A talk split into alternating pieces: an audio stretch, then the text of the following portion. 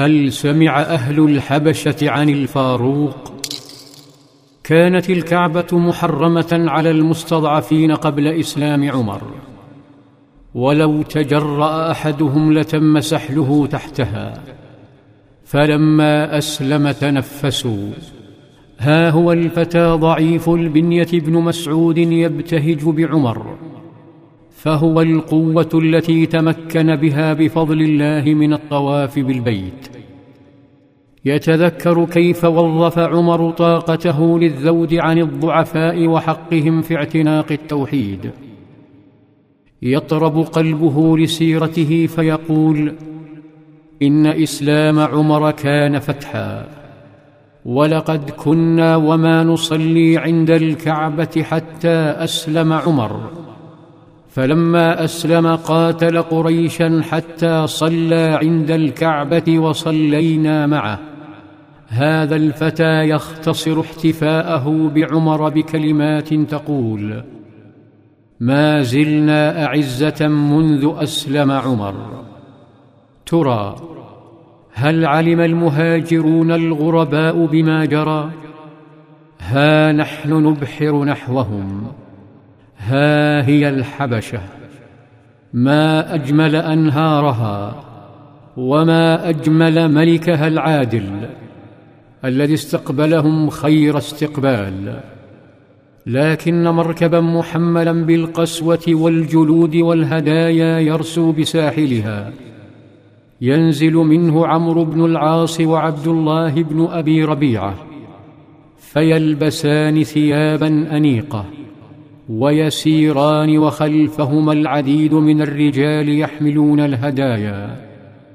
وقبل أن يدخلا على النجاشي يقومان بحصر رجال البلاط الملكي ورجال الدين أيضا. حتى قالت أم سلمة لم يدعوا رجلا منهم إلا هيأوا له هدية على حدة. تنفيذا لوصية الطواغيت.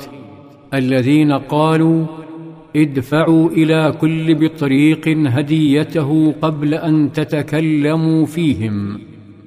ثم ادفعوا هداياه. وإن استطعتما أن يردهم عليكم قبل أن يكلمكم فافعلوا. نفذ الرجلان ما طلب منهما. ثم توجها لكبار القساوسة وقالا إنا قدمنا إلى هذا الملك في سفهاء من سفهائنا. فارقوا أقوامهم في دينهم ولم يدخلوا في دينكم. فبعثنا قومهم ليردهم الملك عليهم. فإذا نحن كلمناه فأشيروا عليه أن يفعل. فقالوا نفعل. طوعت الرشوة كبار القساوسة. ففرشوا للرجلين طريقا من الأحلام والورود.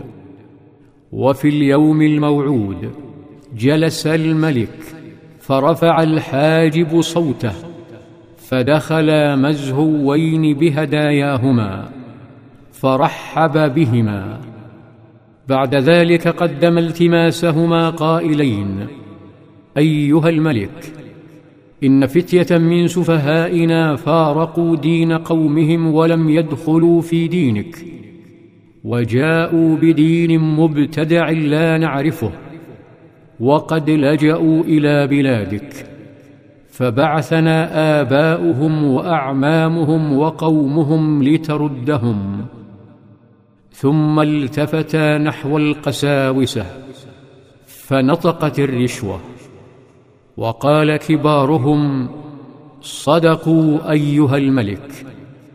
حينها التفت العدل نحوهم فتغير وجه الملك غضبا وصاح فيهم لا لعمر الله لا أردهم عليهم حتى أدعوهم فأكلمهم وأنظر ما أمرهم.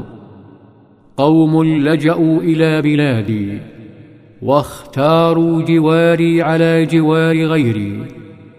فإن كانوا كما تقولون رددتهم عليهم وإن كانوا على غير ذلك منعتهم. أحرق العدل هدايا الوثنية وانفضح الرهبان الذين انحازوا لها من أجل قطعة قماش أو جلد شاة وأفسح العدل فضاء للموحدين. فليقولوا ما شاءوا فلا مكان هنا لشريعة أبي جهل. في ظلال السيرة.